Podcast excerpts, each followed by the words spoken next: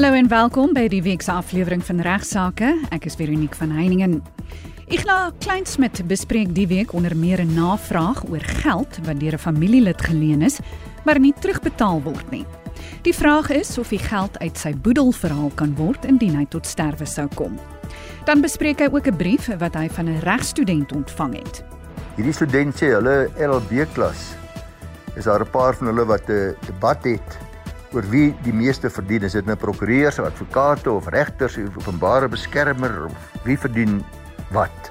In die tweede deel van regsaake sluit spesialis gas strafregkenner Dr. Llewellyn Kerloos by my aan en hy praat in die volgende 3 afleweringe van regsaake oor dwelmmisbruik in Suid-Afrika.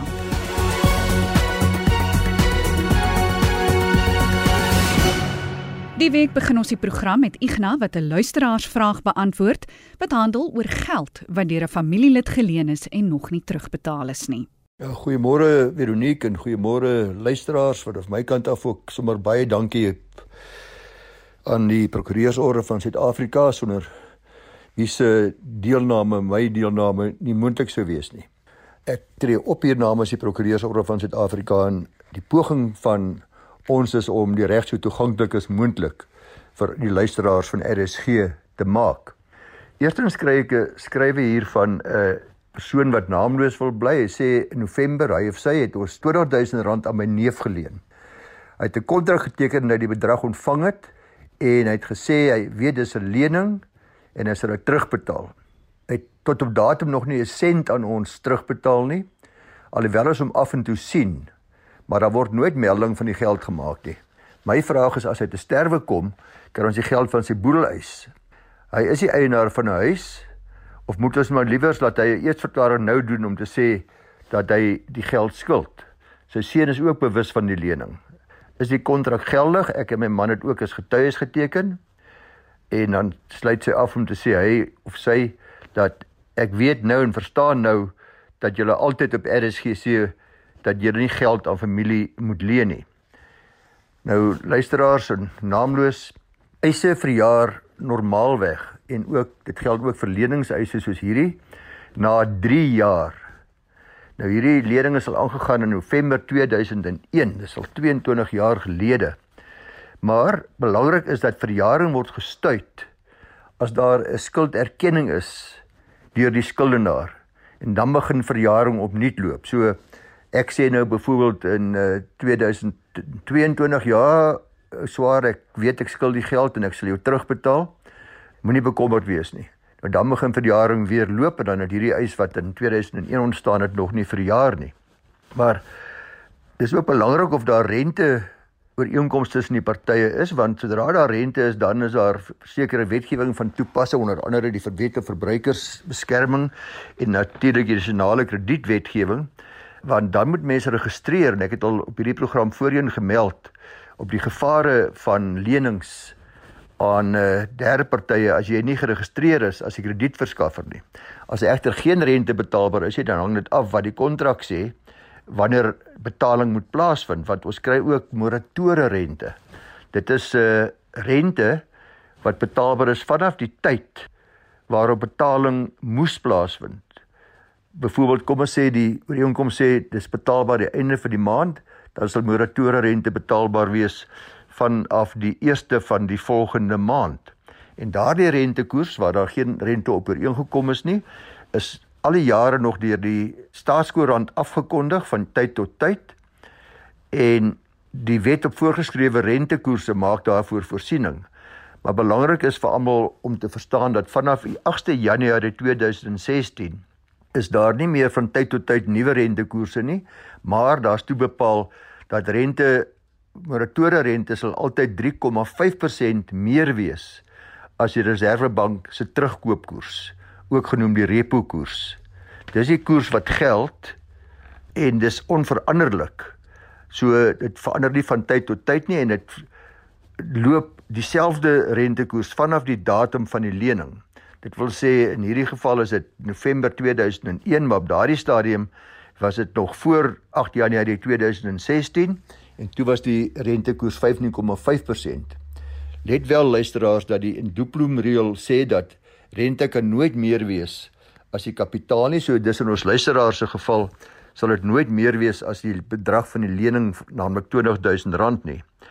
Maar as jy nie wel skuld erken het van tyd tot tyd en veral oor die afgelope 3 jaar skuld erken het, dan natuurlik is hierdie bedrag nog steeds afdwingbaar en kan die lening afgedwing word deur middel van 'n dagvaarding of natuurlik is dit ook dan moontlik om dieselfde eis teen die boedel in te stel want dis die vraag wat ook gevra word.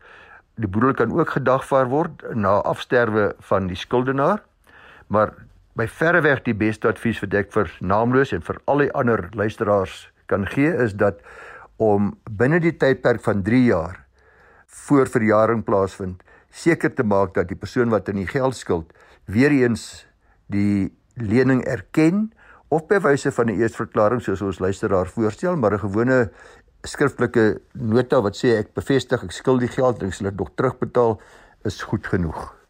Nou praat nou oor die salarisse van mense in die regsveld na aanleiding van 'n navraag daaroor. Is altyd interessant en mense is altyd nuuskierig om te weet wat ander mense verdien. Hierdie student sê hulle LLB klas is daar 'n paar van hulle wat 'n debat het oor wie die meeste verdien. Is dit nou prokureurs of advokate of regters of openbare beskermer of wie verdien wat? Nou luisteraars, die kantoor van die president kondig van tyd tot tyd in die staatskoerant die salarisverhogings aan van regters en landdroste en sekere ander amptdraers soos byvoorbeeld die openbare beskermer. En ek het gekyk dan die salarisse wat geldig is effektief vanaf die 1 April 2022 dit sal dan wees tot die einde Maart 2023 wat nou al verby is. Ek weet nie wat hierdie jaar se is nie. Maar daar is altyd natuurlik 'n basiese salaris wat afgekondig word en 'n deel wat bestaan uit verskeie verskillende soorte toelaas en normaalweg kan mens sê dat wat die politici betref dat is die betaal drempels van regters min of meer dieselfde as die van ministers en adjunkministers terwyl landroste weer meer in lyn is met die salarisse van parlementslede. Maar dit is belangrik ook om te weet en is nou versigtig as ek sê dat wat prokureurs en advokate verdien kan regtig wissel van baie min tot baie baie geld. Sommige prokureurs verdien baie min selfs hier iewers tussen 300 000 en 500 000 rand per jaar terwyl daar sonder twyfel ook prokureurs en advokate is wat dalk meer as 5 miljoen rand per jaar verdien. Dis as jy baie geld wil verdien, hang dit nie af daarvan of jy 'n prokureur of advokaat of 'n regter of wat wil wees nie, dit hang af van jou bekwaamheid en jou sukses. Dit geld natuurlik in die openbare lewe in die openbare sektor en in die privaat sektor. Maar wat die werklike salarisse betref vir die afgelope jaar, kan ek net so 'n paar voorbeelde gee. Ons hoofregter is net so bietjie meer as 3 miljoen rand per jaar. Die uh appelregters is 'n bietjie minder. Die konstitusionele hofregters is so 2 bietjie minder as 2,5 miljoen rand. Appelregters ook. En dan is daar die uh gewone regters wat bykans 2 miljoen rand verdien. Landroste is heel wat minder die uh hooflandros sal so bietjie meer as 1,5 miljoen rand verdien en ook die streekshof presidente dan streekshof landroste so 1,4 miljoen rand senior landroste so 1,165 miljoen rand amper 1,2 miljoen rand en landroste so bietjie minder as 1,1 miljoen rand terloops die openbare beskermer het uh, vir daardie tydperk wat ek genoem het tot maart hierdie jaar bietjie minder as 2,5 miljoen rand verdien en die uh, adjunk openbare beskermer so bietjie minder as 2 miljoen rand. So dis maar net vir interessantheid. Ek hoop die studente besef dat dit gaan nie wanneer mense regsberoep betree moet dit eerstens nie gaan om ryk te word nie want dis nie altyd 'n waarborg dat daar baie geld gaan wees nie, maar om die publiek te dien met jou regskennis. Ek nou bespreek nou 'n laaste luisteraarsbrief. My laaste bydrae vandag is 'n antwoord op 'n skrywe van Pieter van der Heever. Hy sê sy buurman is in 2016 oorlede en uh die buurman se dogter en seun het die buurman se grond geërf. Hy stel belang om die eiendom by hulle te koop, maar die eiendom is as 'n besigheid geregistreer. Hulle skuld niks nie en die BTW is op datum. Hulle het op 'n miljoen rand ooreengekom en hy sê die helfte van die deposito betaal en die res oor 6 maande. Maar dan vra hy as hy enige oordragskoste wat hy moet betaal as hy die besigheid koop direk by hulle en is dit nodig dan om 'n prokureur te gebruik.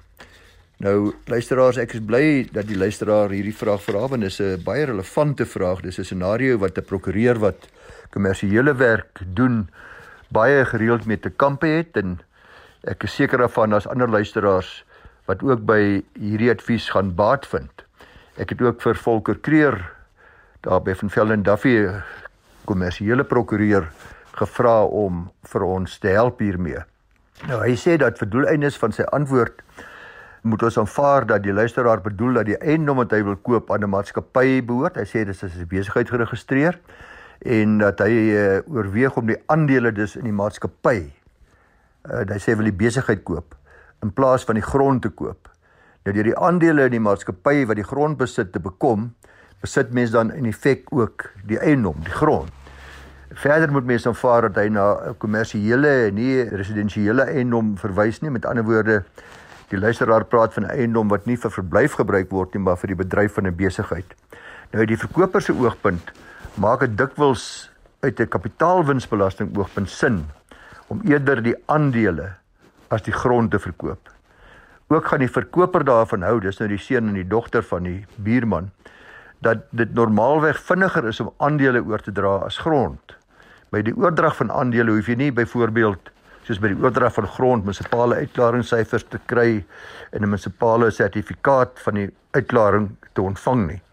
Die koper sal dikwels ook natuurlik vir verskeie redes genee wees om liewers die aandele te koop. Eerstens is die regskoste om die aandele te koop in plaas van die grond baie baie goedkoper. Die koper is gewoonlik vir die oordragskoste verantwoordelik ongeag die aandele of die grond oorgedra word en aandele in privaat maatskappye uh, word deur wie ook al die aandeleregister van die maatskappy hanteer oorgedra. Gewoonlik is dit by die ouditeure en soos die meeste luisteraars sal weet word grond aan die ander kant by die akteskantoor oorgedra deur 'n prokureur wat 'n transportbesorger is. En die koste om grond oor te dra is dramaties duurder as die koste om aandele oor te dra. So die koper kan wel geld spaar in hierdie opsig. Tweedens is daar by die oordrag van aandele in 'n maatskappy wat kommersiële grond besit soos in hierdie luisteraar se voorbeeld geen hereregte betaalbaar nie. Terwyl daar by residensiële eiendomme werk dit terloops anderste, daar's hereregte in die vorm van belasting wat onder andere in sekere gevalle betaalbaar is waar grond verkoop word. Die koper kan dus ook hereregte vermy deur die aandele in plaas van die grond te koop. Dan sê Volker is daar ook soms 'n opgehoopte verlies wat die maatskappy volgens sy boeke het. So opgehoopte verlies kan natuurlik potensiële lekker belastingvoordeel vir die koper meebring as hy die aandele in plaas van die grond koop. Dis dan ook omdat hy toekomstige winste van die maatskappy dan kan afspeel teen enige so opgehoopte verlies. Nou dit klink dus asof dit 100% sin maak vir die verkoper en die koper om eerder die aandele in die maatskappy wat die grond besit in plaas van die grond te verkoop Maar nou kom ons by 'n belangrike punt en Volker maak dit baie duidelik dat die aandele risiko wat die koper vat as hy die aandele in plaas van die grond koop want as hy die grond bekom dan kry hy natuurlik 'n skoon bate net die grond. As hy aan die ander kant die aandele koop dan kry mense 'n maatskappy en jy weet jy nie presies wat in daai maatskappy aangaan nie. Is dit dalk geraamd in die kas? As jy maatskappy se belastingsaake byvoorbeeld teen orde is nie. Nou kom SARS later en hy kom met 'n baie groot eis. Dan sê die koper dan met die gebakte pere. Al het hy dalk kontraktuele eis teen die verkoper, kan hy dit nie as 'n verweer teen SARS opper nie. Met ander woorde, as ek die maatskappy koop, dan moet ek vir SARS betaal en dan moet ek maar my skade wat ek gelei het maar weer probeer van die verkoper verhaal. Dalk is die verkoper intussen oorlede of bankrot of het hy verdwyn verweier en betaal of hy net dood eenvoudig nie die geld nie, die vermoë nie. Nou ja.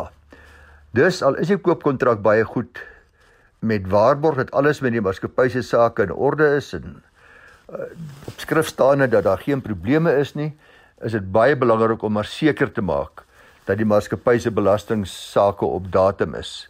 So ongeag wie die verkoper is, is Volker se advies en ek steun 100% saam om eerder veilig te speel en dalk by die grond te koop en nie die aandele nie, al is daar hoër koste en belasting implikasies. Om aan die luisteraar se antwoord meer spesifiek te antwoord, hy wil weet of daar oordragskoste is as hy die aandele koop wat nodig is om deur 'n prokureur te werk. As hy ten spyte van die formele risikoadvies die aandele steeds wil koop, sou ek nog steeds des te meer aanbeveel dat hy 'n prokureur se hulp inwin.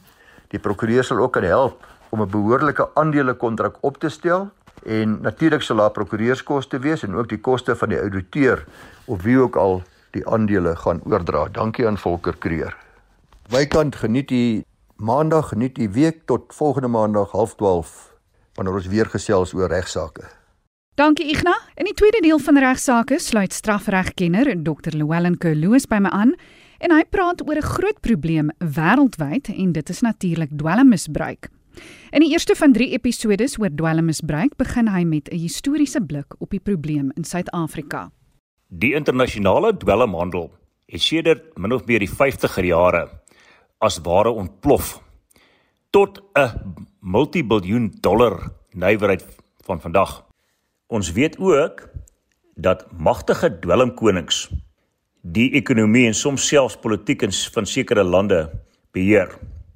Koelbloedige dwelmsyndikaate soos die bekende Medellin kartel van 'n dekade of 2 gelede het byvoorbeeld tot stand gekom en op 'n stadium selfs 80% van die wêreld se kokain voorsien. Internasionale samewerking blyk geen vrugte af te werp teen hierdie sogenaamde ontasbares nie. Terwyl 'n nuwe dwelmmonster bekend as sintetiese stowwe wat in onbeperkte hoeveelhede in onwettige laboratoriums vervaardig word, natuurlik deesdae dreig om die wêreld te oorstroom. Vanaf die vroegste tye soek die mens na plesier. Ondervinding het getoon dat die bedwelming wat deur sekere verdowingsmiddels aangebring word, aanleiding gee tot 'n gevoel van onwerklikheid en 'n verandering van gemoed. Dit laat die aangename illusie posvat dat 'n mens aan die werklikheid kan ontkom. Alles is net tydelik. Die verdowingsmiddels of chemiese stowwe wat sulke gemoedsveranderende eienskappe besit, staan bekend as psigoaktiewe verdowingsmiddels. Om hierdie rede is enige psigoaktiewe verdowingsmiddel potensieel 'n dwelmmiddel wat misbruik kan word. Daar is 3 bronne van psigoaktiewe stowwe. In die eerste plek plante wat natuurlik groei, soos papaver, somniferum wat rou opium produseer en cannabis sativa wat marijuana of dagga, soos dit in Suid-Afrika bekend is, produseer. In die tweede instansie is daar die sogenaamde semisintetiese stowwe wat geproduseer word deur natuurlike stowwe chemies te behandel. Byvoorbeeld wanneer heroïne uit 'n rou opium en kokain uit die rou kokopasta vervaardig word. Derdens identifiseer ons sintetiese stowwe wat geheel en al in die laboratorium vervaardig word sonder die byvoeging van enige natuurlike stowwe. Byvoorbeeld benzodiazepine of kalmeermiddels metakwaloon of sogenaamde mandrax en LSD wat ook bekend staan as acid. In lande soos Nederland het hulle 'n baie toegeeflike beleid teenoor sogenaamde sagte dwelms wat tot gevolg gehad het dat minder jong mense daaraan verslaaf geraak het. Maar ongelukkig het die maatreëls geen effek op die vraag na 'n groter hoeveelheid van die sogenaamde harde dwelms gehad nie. Die mens gebruik en misbruik dwelms al van vroeg af. Daarvan getuig talle voorbeelde in geskiedkundige geskrifte. Die gebruik van gegiste alkoholiese drank. Hier dink ons miskien aan Noag. Dateer terug tot ten minste 6400 voor Christus. Terwyl sommige geskiedkundiges die datum op selfs 8000 voor Christus stel. Die gebruik van opium word reeds in Sumeriese geskrifte van 4000 voor Christus beskryf. Terwyl die plaaslike Indiane bevolking van die sentraal-Amerikaanse Andesstreke al minstens 1200 jaar lank kokablare wat kokain bevat kou. Na raming het Amerika teen die jaar 1900 al sowat 250 000 opiumverslaafdes onder sy bevolking gehad. Die instelling van beheer oor verdowingsmiddels en die reëls en wetgewing om dit toe te pas dateer uit die vroeë 1900s. In 1909 het die FSA die eerste internasionale konferensie gehou om die samewerking van ander lande te probeer verkry vir die beheer oor dwelmhandel. Ten spyte daarvan dat dwelms en die misbruik daarvan al so lank bestaan, het die dwelmsituasie soos ons dit vandag ken maar eers teen die einde van die 50er jare min of meer begin ontwikkel. Die nuwe patroon het waarskynlik vir die eerste keer in die FSA kop uitgesteek, maar dit vinnig na ander wêrelddele versprei. Dit was veral gegrond op jong mense se deelname aan eksperimente met dwelms, insluitende alkoholiese drank en die vernietigende effek daarvan op gesondheid, ongeluksyfers, sosiale omwentelinge en die algemene ontwikkeling van tieners en jong mense. Dit is moeilik om vas te stel wat presies aanleiding gegee het tot as ware 'n ontploffing in die misbruik van dwelms. Die lewenshouding van die naoorlogse geslag in die woorde van die selfverklaarde hoofpriester van dwelmkultuur Timothy Leary wat hy gesê het turn on, turn in and drop out. Die welgesteldheid wat die jare na die Tweede Wêreldoorlog gekenmerk het en die kulturele revolusie van die jeug teen die bestaande norme en waardes het alles 'n rol gespeel. Blootstelling aan die oorloë in Korea en Vietnam het duisende jong Amerikaners bang, vol heimwee na hulle vaderland, eensaam en gefrustreerd, dus kwesbaar gemaak vir dwelmmiddels. Wat die behandeling betref van dwelmmiddels, is dit natuurlik so dat terwyl psigoaktiewe verdowingsmiddels al meer misbruik is, het die siekte van dwelmverslawing 'n al groter gesondheidsprobleem geword. Na mate meer mense aan dwelms verslaaf geraak het, het regerings en gemeenskappe wêreldwyd metodes begin ontwikkel om die probleem te hanteer en hopelik in te perk. Van hierdie teenmaatreëls het ingesluit, byvoorbeeld, die ontwikkeling van behandelingsprogramme by beide binne en buite pasiëntklinieke Verder meer, ook die instelling van toepaslike wetgewing om beheer uit te oefen oor die voorsiening en verspreiding van verdowingsmiddels. Dit sluit in alkoholiese drank.